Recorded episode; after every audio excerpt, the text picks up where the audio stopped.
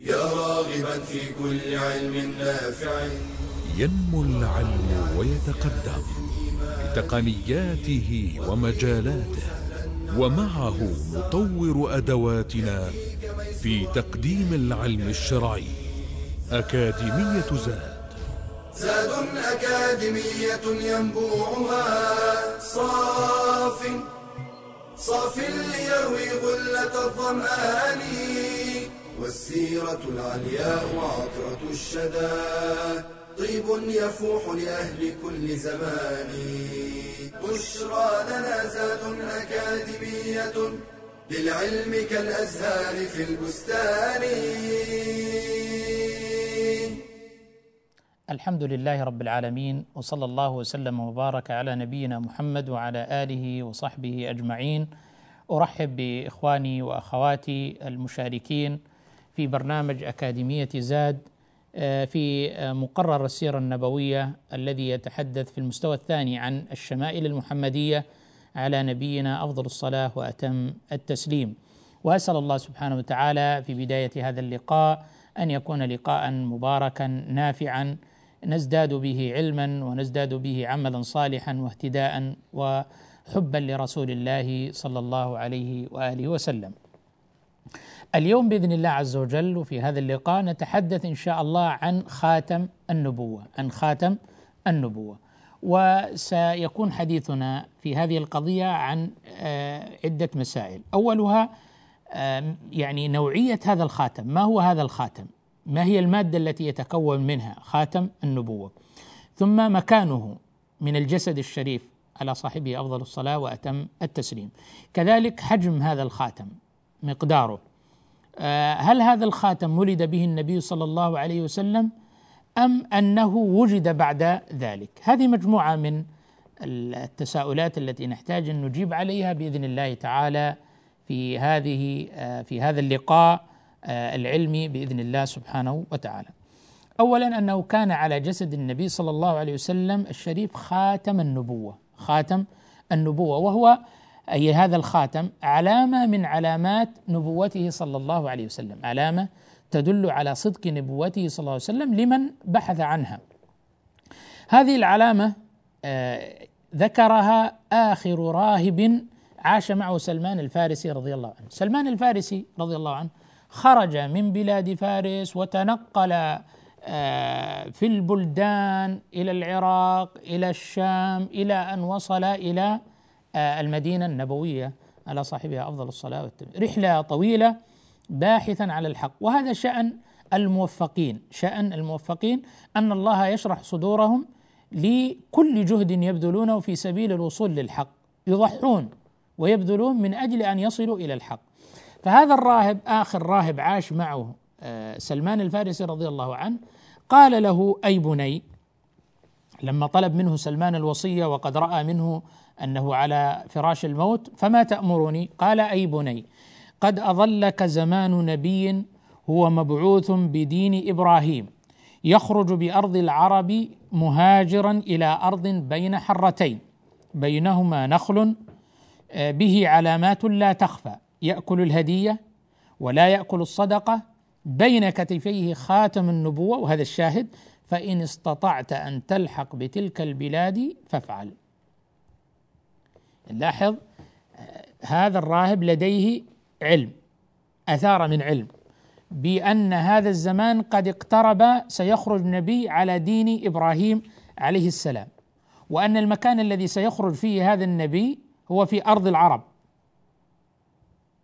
ليس في غيرها وأن المهاجر الذي سيهاجر إليه هذا النبي ارض بين حرتين آه، أرض بركانية الحرتين هي الأرض البركانية وبينهما نخل. هذه المنطقة التي سيهاجر إليها هذا النبي.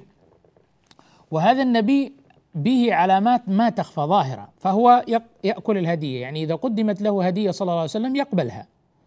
ولا يقبل الصدقة ما يأكل الصدقة صلى الله عليه وآله وسلم. ويرى انها أوساخ الناس.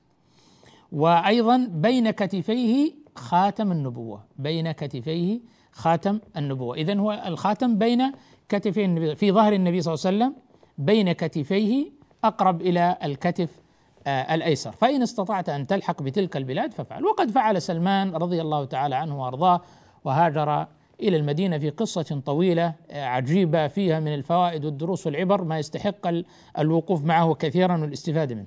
وأيضا هي العلامة التي أشار إليها بحير الراهب. فإنه آه، أبو طالب خرج في تجارة مع بعض قومه وكان معه النبي صلى الله عليه وسلم صغيرا فتى صغيرا. فلما رآه الراهب قال هذا سيد العالمين هذا رسول رب العالمين يبعثه الله رحمة للعالمين. هو موجود في كتبهم يبشرون به. فقال له اشياخ من قريش ما علمك؟ يعني كيف أنت حكمت على أن هذا هو نبي؟ كيف عرفت هذا أنه سيبعث وأنه رسول رب العالمين وأنه آه، خير الناس أجمعين؟ قال إنكم حين أشرفتم من العقبة لم يبق شجر ولا حجر إلا خر ساجدا ولا يسجدان إلا لنبي. وإني أعرفه بخاتم النبو النبوة أسفل أسفل من غضروف كتفه مثل التفاحة يعني في شكله. فهو في أسفل الغضروف في ظهره صلى الله عليه وسلم الكتفان بينهما وأقرب إلى الأيسر الكتف الأيسر آه، يعرف به بهذا الخاتم أسفل هذا الغضروف آه، من كتفه صلى الله عليه وسلم شبهه بمثل التفاحة. وعن جابر بن سمرة رضي الله عنه قال كان خاتم رسول الله صلى الله عليه وسلم الذي بين كتفيه غدة حمراء مثل بيضة الحمامة. اذا هو عبارة عن قطعة من اللحم الغدة هي القطعة من اللحم بين الجلد وبين اللحم وفيها احمرار. اذا هي عبارة عن قطعة لحم. هذا الخاتم خاتم النبوة. قطعة لحم آه، في حجم بيض الحمام بيضة الحمام بين كتفيه صلى الله عليه وسلم وهي أقرب إلى الكتف الأيسر وقيل أنها يعني آه، حتى تكون قريبا من القلب. يعني بعض التوجيهات التي ذكرت. إذا قطعة من اللحم تحت الجلد ناتئة يعني بارزة ليست على مستوى الجلد أي ظاهرة فيها احمرار وهي بحجم بيض الحمام.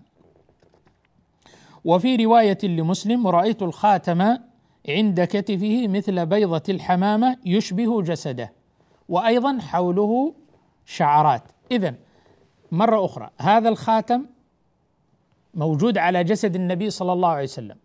وهو أمارة وعلامة على نبوته عليه الصلاة والسلام.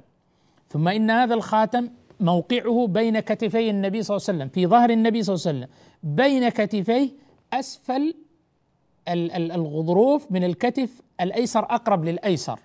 حجمه مثل بيضة الحمامة لحم قطعة لحم ناتئة طالعة بارزة عن مستوى الجلد وعليها شعيرات وعليها شعيرات.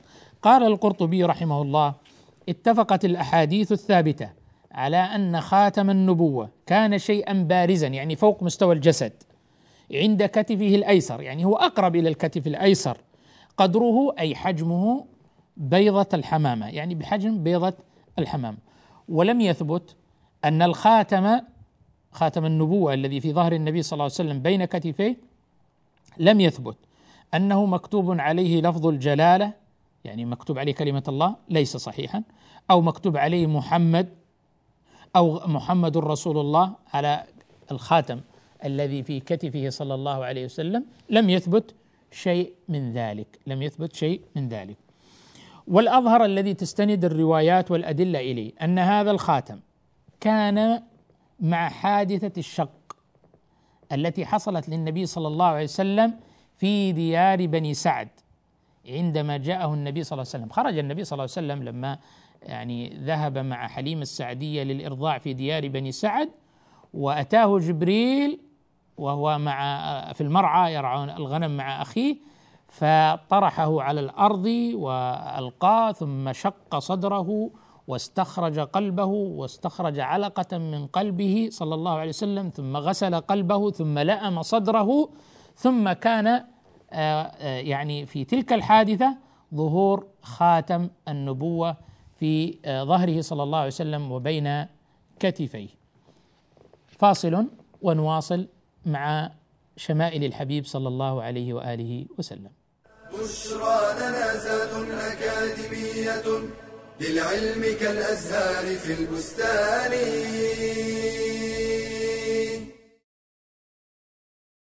ما أوثق العلاقة بين العلم والعمل؟ العلم شجرة والعمل ثمرة. والعلم يهتف بالعمل فإن أجابه وإلا ارتحل. قال النبي صلى الله عليه وسلم القرآن حجة لك أو عليك. أي تنتفع به إن تلوته وعملت به وإلا فهو حجة علي وإنما يراد العلم لأجل العمل قال أبو الدرداء لا تكون بالعلم عالما حتى تكون به عاملا. وقد ذم الله تعالى من لا يعملون بالعلم فقال أتأمرون الناس بالبر وتنسون أنفسكم وأنتم تتلون الكتاب أفلا تعقلون؟ وقال صلى الله عليه وسلم مثل العالم الذي يعلم الناس الخير وينسى نفسه كمثل السراج يضيء للناس ويحرق نفسه والعلم النافع يورث خشية الله.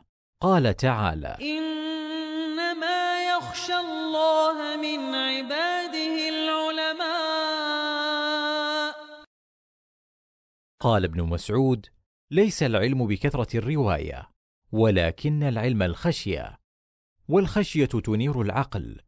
قال تعالى واتقوا الله ويعلمكم الله. أي أن تقوى الله وسيلة إلى حصول العلم. فمن صدق العلم بالعمل كان قدوة للمتعلمين. ومن خالف فعله قوله كان من الممقوتين. يا أيها الذين آمنوا لم تقولون ما لا تفعلون كبر مقتا عند الله أن تقولوا ما لا تفعلون بشرى لنا زاد أكاديمية للعلم كالأزهار في البستان. الحمد لله والصلاة والسلام على رسول الله وعلى آله وصحبه ومن والاه أما بعد. نتحدث في هذه الفقرة عن لباس الرسول صلى الله عليه وآله وسلم من حيث آه صفة هذا اللباس أنواعه آه ألوانه وما يتعلق بذلك. وقبل ذلك نقدم ب يعني أصل مهم جدا ينبغي على طالب العلم أن يستصحبه دائما أن الأصل في اللباس الإباحة. الأصل في اللباس الإباحة أن الإنسان يلبس ما شاء من الثياب متجنبا ما جاء النهي عنه في الشريعة. يعني الأصل أن تلبس ما شئت إلا ما جاءت الشريعة بالنهي عنه والزجر عنه. قال صلى الله عليه وسلم كلوا واشربوا والبسوا وتصدقوا من غير إسراف ولا مخيلة أخرجه البخاري. يعني كل ما شئت. المهم أن هذا لا يكون فيه إسراف ولا بطر ولا كبر ولا عجب ولا إسراف وأن تأكل مما أباح الله تعالى. وكذلك الشراب وكذلك اللباس والإنسان يحسن كما أحسن الله تعالى إليه في مطعمه ومشربه وملبسه. كلوا واشربوا والبسوا وتصدقوا من غير إسراف ولا مخيلة. إذا هذا الأصل في اللباس. هذا الأصل في اللباس. تصف أم سلمة رضي الله تعالى عنها لباس النبي صلى الله عليه وسلم وتقول كان أحب الثياب إلى النبي صلى الله عليه وسلم القميص. النبي صلى الله عليه وسلم لبس القميص وهو الثوب هذا الثوب الذي يلبس قطعة واحدة وله فتحة في الأعلى يدخل منها الرأس. هذه الفتحة اللي في الأعلى التي يدخل منها الرأس تسمى الجيب جيب الثوب الذي يدخل منه الرأس وهو قطعة واحدة. فكان النبي صلى الله عليه وسلم يلبس القميص. بل تقول أم سلمة وهي من أكثر الناس معرفة بحال النبي صلى الله عليه وسلم فيما يتعلق بشؤونه الخاصة هي وزوجات النبي صلى الله عليه وسلم أنه كان أحب الثياب إلى النبي صلى الله عليه وسلم القميص. فالقميص مما لبسه صلى الله عليه وسلم وأيضا لبس الإزار والرداء. يعني أحيانا كان يلبس الإزار والرداء. الإزار هو الثوب الذي يلف على الجزء الأسفل من البدن. الجزء الأسفل من البدن. والرداء هو الجزء الذي يوضع على الجزء الأعلى أو الثوب الذي يوضع على الجزء الأعلى من البدن. هذا يسمى إزار ورداء. فإذا اجتمع الإزار والرداء سمي حلة. إذا اجتمع إزار ورداء سمي حلة. فإذا انفرد بالإزار فلا يسمى حلة. إنما يكون حلة إذا كان ثوبين إزار ورداء. لبس النبي صلى الله عليه وسلم الإزار والرداء ولبس أيضا صلى الله عليه وسلم القميص. وكان أحب الثياب إليه كما تقول أم سلمة رضي الله تعالى عنها أحب الثياب إليه القميص. وأيضا عن معاوية بن قرة عن أبيه قال أتيت رسول الله صلى الله عليه وسلم في رهط من مزينة لنبايعه صلى الله عليه وسلم. وإن قميصه لمطلق. إيش معنى قميصه مطلق؟ القميص هذا الثوب المعتاد مطلق يعني محلول ال ال ال الأزرار. محلول الأزرار يعني مفتح الأزرار ليست مغلقة. وعن أنس بن مالك رضي الله عنه أن النبي صلى الله عليه وسلم خرج وهو يتكئ على أسامة بن زيد رضي الله عنه. عليه ثوب قطري يعني وهذا نوع من الثياب اليمانية الجميلة التي تتخذ من القطن تصنع من القطن وفيها آه، خطوط وحمرة ونوع من الخشونة مع شيء من الخشونة. هذه الثياب القطرية هي ثياب يمانية تصنع من القطن وفيها آه، لون أحمر ومخططة لكنها ليست أحمرا آه، كما يقولون أحمر سادة صارخ لا وإنما في شيء من الحمرة مع ألوان أخرى قد تكون سواد أو بياض وكذلك فيه شيء من الخطوط والخشونة في ملمسه. كان عليه ثوب قطري قد توشح به فصلى بهم صلى الله عليه وآله وسلم. التوشح به أن يضع مكان الوشاح مكان الوشاح ثم صلى بهم فهذا الصحابي رضي الله عنه لمح هذا هذا الثوب ووصفه وصفا دقيقا وهذا من شدة حرصهم على معرفة حال وشأن رسول الله صلى الله عليه وسلم.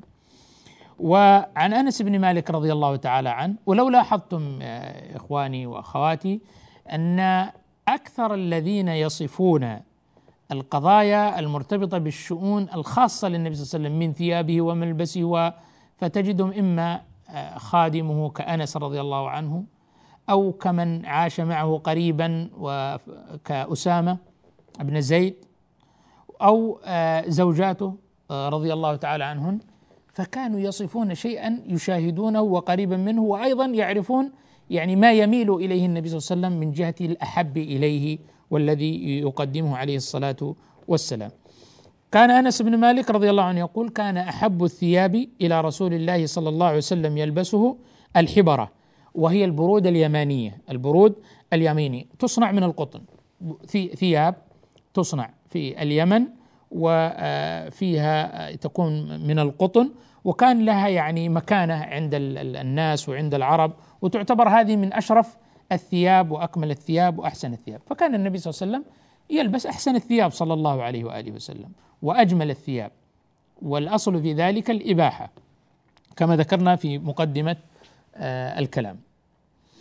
آه هناك دعاء يشرع عند لباس الثوب الجديد وهو كما ذكر أبو سعيد الخدري رضي الله عنه قال كان رسول الله صلى الله عليه وسلم إذا استجد ثوبا يعني لبس ثوبا جديدا سماه باسمه.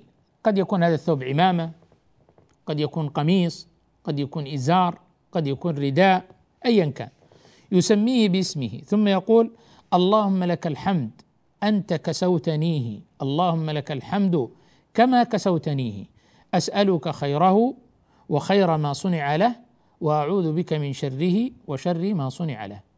اذا أول الأمر أنه يحمد الله تعالى الذي كساه هذا الثوب فينسب هذا الثوب الذي كسيه أنه عطية من الله عز وجل حتى لو كان هو الذي اشتراه حتى لو كان أهدي له فإنه يتوجه بالحمد والشكر لرب السماوات والأرض فهو الذي يعطي. اللهم لك الحمد أنت كسوتنيه فالذي يا عبادي كلكم عار إلا من كسوت فاستكسوني أكسكم كما في الحديث القدسي.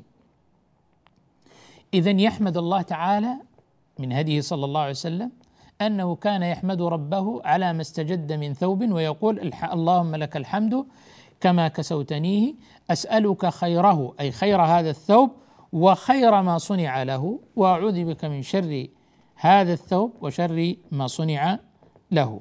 فهنا يعني الإنسان يجدد نيته في شكر المنعم سبحانه وتعالى.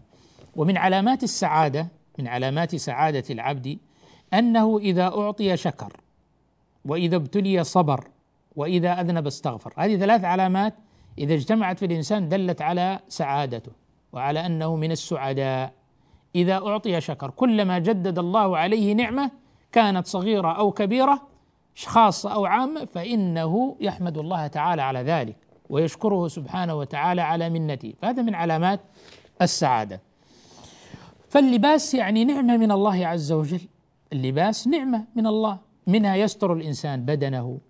ويتجمل ويتزين بهذا الثوب بهذا اللباس ومنها يقي نفسه من الحر ومن القر ومن البرد فهو له منافع كثيرة له منافع كثيرة من النعم وهو من النعم التي أنعم الله بها تعالى على عبده فيشرع للإنسان أن يحمد ربه ويجدد الثناء وفي ذلك أيضا فضيلة عظيمة.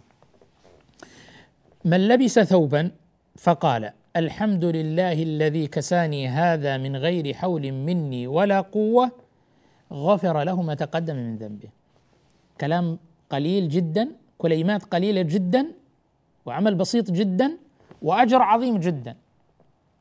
يلبس الثوب ثم قال الحمد لله الذي كساني هذا من غير حول مني ولا قوة. هذا الثوب الذي علي إنما هو عطية من الله منه من الله نعمة من الله ينسبها لرب العالمين يجدد شكره وتعلقه بالمنعم سبحانه وتعالى.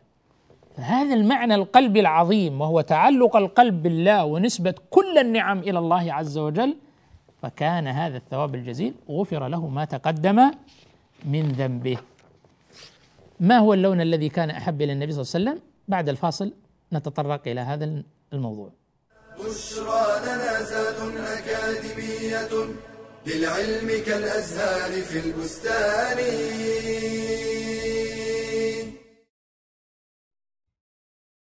عن أي شيء تبحث وفي أي شيء ترغب وماذا تطلب وما هي همتك في هذه الحياة. فالمسلم يحب المعالي ويسعى إليها. قال صلى الله عليه وسلم إن الله يحب معالي الأخلاق ويكره سفسافها. واعلم أن طلب العلم لا ينتهي بل هو مستمر إلى آخر العمر. قيل للإمام أحمد وهو يحمل محبرة إلى متى؟ فقال مع المحبرة إلى المقبرة ولا يعوق كبر السن عن طلب العلم إذا توافرت الهمة فلا أن تموت طالبا للعلم خير من أن تموت قانعا بالجهل.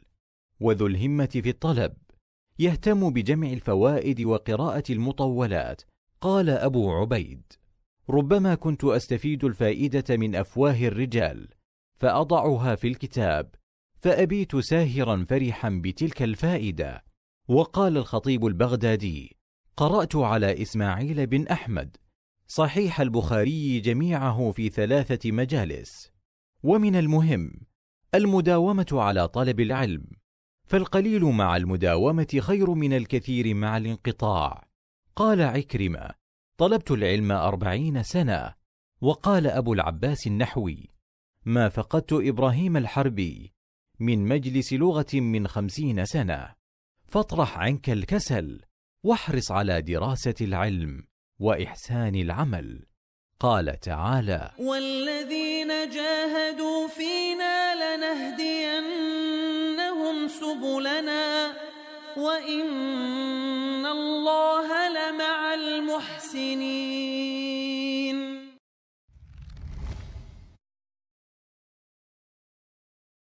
بشرى لنا زاد أكاديمية للعلم كالأزهار في البستان الحمد لله والصلاة والسلام على رسول الله. آه ذكرنا في بداية اللقاء أن الأصل في اللباس الإباحة أن الإنسان يلبس ما شاء ما خلا ما نهت عنه الشريعة. وكان أحب الثياب إلى النبي صلى الله عليه وسلم القميص فكان سهلا في لبسه وأيضا أستر للإنسان. ولا يحتاج إلى تحرز بخلاف آه، الإزار فإنه يحتاج إلى مزيد اهتمام وعناية ورعاية. قد ينفك وقد يحتاج الإنسان إلى أن يتحرز من انكشاف عورته. النبي صلى الله عليه وسلم كان يحب القميص. كان ولكنه لبس القميص ولبس الإزار ولبس الرداء صلى الله عليه وآله وسلم وكان يحل آه، أزراره صلى الله عليه وآله وسلم كما رآه الصحابة. كان يحب البرود اليمانية وهي المنسوجة من القطن وفيها شيء من الخشونة وهي مخططة وفيها ألوان اللون الأحمر واللون الأسود فكان يحب صلى الله عليه وسلم ذلك وكانت تعد عندهم أصلا من فاخر الثياب ومن أنفسها وأشرفها لديهم. وأيضا كان من هديه صلى الله عليه وسلم أنه إذا استجد ثوبا كان له آه، ذلك الدعاء العظيم الذي يحمد ربه تعالى عليه. وكذلك إذا لبس ثوبا أيضا يدعو الله تعالى بذلك الدعاء الحمد لله الذي كساني هذا من غير حول مني ولا قوة. فيكون الأجر والثواب الجزيل هو غفر له ما تقدم من ذنبه. عمل بسيط يسير والأجر عظيم ببركة الاقتداء والتأسي برسول الله صلى الله عليه وسلم. هذه واحدة من بركات التأسي برسول الله صلى الله عليه وسلم حتى في لبس الثوب وما يقول عند لبس الثوب. فالمؤمن الحريص يقتدي برسول الله صلى الله عليه وسلم ويتأسى به فيناله أجر آه، والثواب في الدنيا والآخرة ومغفرة ذنوبه ورفع الدرجات عند الله عز وجل. الألوان التي كان يحبها النبي صلى الله عليه وسلم النبي صلى الله عليه وسلم كان يحب الثوب الأبيض أو اللون الأبيض من آه، اللباس. وكان أكثر ما يلبسه صلى الله عليه وسلم آه، البياض. لحديث ابن عباس رضي الله تعالى عنهما قال قال رسول الله صلى الله عليه وسلم عليكم بالبياض من الثياب. عليكم بالبياض من الثياب. هذا فيه حظ على العناية والاهتمام والحرص على آه، أن يكون لون الثوب اللون الأبيض. هل هذا واجب؟ الجواب لا. لا من القول ولا من عمله صلى الله عليه وسلم فإنه لبس البياض وغير البياض لكنه كان الأحب إليه صلى الله عليه وسلم في آه، لونه وجماله وبهاء اللون الأبيض. عليكم بالبياض من الثياب ليلبسها أحياؤكم وكفنوا فيها موتاكم فإنها من خير ثيابكم. من خير ثيابكم اللون الأبيض في الملابس. فيلبس للأحياء ويكفن به الأموات. هل يجوز غير ذلك؟ نعم يجوز لكن النبي صلى الله عليه وسلم يحضنا والموفق هو الذي يعني يحرص على ما دعا إليه النبي صلى الله عليه وسلم ويكثر مما أكثر منه النبي صلى الله عليه وسلم ويميل إلى ما مال إليه النبي صلى الله عليه وسلم. فإن الإنسان إذا أحب إنسانا قلده في كثير من شؤونه قلده واقتدى به حتى في لباسه. حتى في جلسته حتى في كلامه حتى في مشيته حتى في شأنه كله يحاول أن يقترب من النبي صلى الله عليه وسلم وهديه. كلما حرص الإنسان على الاقتراب من الهدي النبوي والشأن النبوي حتى في محبوباته صلى الله عليه وسلم كان ذلك أدعى لمزيد محبة لرسول الله صلى الله عليه وسلم وزلفى وقربى إلى الله عز وجل. إذا كان يحب الثياب أو البياض من الثياب يحث على لبسها للأحياء يحث على تكفينها للأموات تكفين الأموات بها وفيها وأيضا كان يعني يرى أنها من خير أنواع الثياب آه، ذات اللون الأبيض. أيضا كان ثوبه صلى الله عليه وسلم إلى منتصف ساقه، يعني حد ثوب النبي صلى الله عليه وسلم إلى منتصف الساق والكم إلى الرسغ، والرسغ هذا المفصل الذي بين الكف والساعد. كف ورسغ وساعد ومرفق وعضد ومنكب وعاتق وعنق. وهذا من بديع آه، اللغة العربية. إذا كم النبي صلى الله عليه وسلم كان إلى الرصغ وهو المفصل الذي بين الكف وبين الساعد. وأما من الأسفل فقد كان حده إلى أنصاف ساقيه صلى الله عليه وآله وسلم. وللإنسان أن يكون ثوبه وإزاره إلى الكعبين. وما أسفل من الكعبين كما أخبر النبي صلى الله عليه وسلم في الحديث الصحيح ما أسفل من الكعبين من الإزار ففي النار ففي النار. وسيأتي مزيد تفصيل لهذه المسألة حينما نتحدث عن إزار النبي صلى الله عليه وسلم. إزرة المسلم إلى أنصاف ساقيه وله إلى الكعبين ولا حظ للإزار واللباس فيما بعد الكعبين. هذا بالنسبة للرجال أما النساء فيرخين أكثر. ومع الأسف انقلاب الموازين وتسويل الشيطان وتزيين الشيطان وعبثه ببني آدم زين للرجال تطويل الثياب وزين للنساء تقصير الثياب. فكان العكس. المرأة في حقها الستر أوجب. فالاصل أن الرجال تكون ثيابهم قصيرة من أنصاف ساقيه إلى الكعبين ولا ينزل عن ذلك. ما أسفل من الكعبين من الإزار ففي النار. كما أخبر النبي صلى الله عليه وسلم في الحديث الصحيح. والخلاف في ذلك كبير وسنشير إليه إن شاء الله في درس قادم. ويحذر الإنسان يحذر الإنسان أن يخالف هدي النبي صلى الله عليه وسلم. وكل ما حذر منه النبي صلى الله عليه وسلم يجتنبه الإنسان.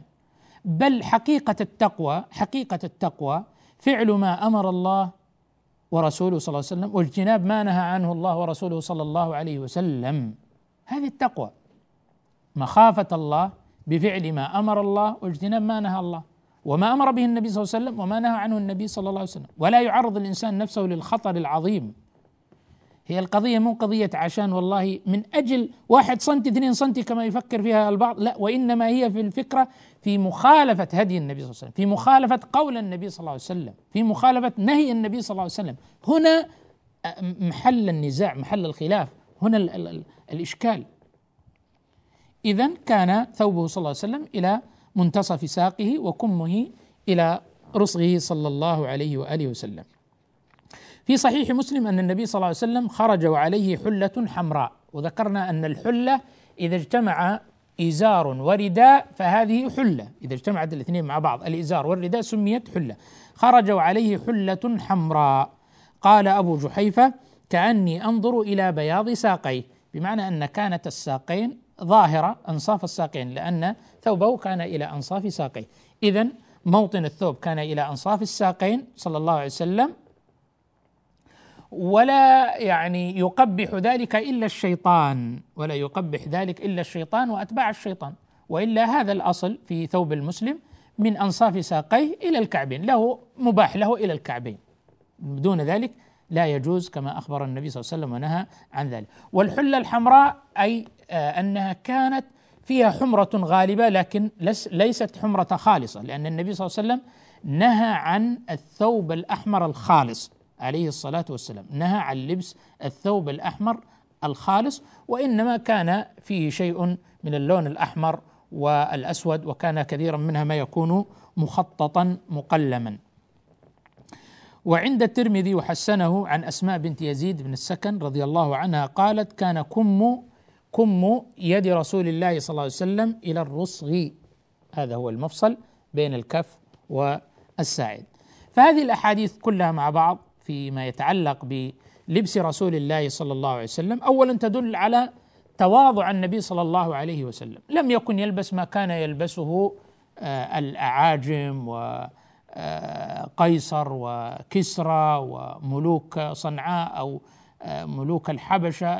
يعني الملوك في ذلك الزمان لم يكن كهيئتهم وإنما كان صلى الله عليه وسلم متواضعا في لبسه. كان ثوبه جميلا كان ثوبه نظيفا كان ثوبه يعني آه، آه، من من أحسن الثياب لكنه لا يغالي في ذلك صلى الله عليه وسلم. وكان يحب القميص ويقدمه على غيره من الألبسة والأزر والأردية وكان يلبس البياض من الثياب وهو أحب إليه. وقد يلبس بعض الألوان كمثل الاحمر لكنه ليس أحمر خالصا وإنما مخططا. هذا بعض هديه صلى الله عليه وسلم وبعض شمائله فيما يتعلق بلباسه عليه الصلاة والسلام. أسأل الله عز وجل أن يرزقنا شفاعته ومرافقته في الجنة وصلى الله وسلم وبارك على نبينا محمد وآله وصحبه أجمعين. تلك العلوم دروسها ميسورة. في صرح علم الراسخ الأركان. بشرى لنا بشرى لنا بشرى لنا زاد أكاديمية للعلم كالأزهار في البستان.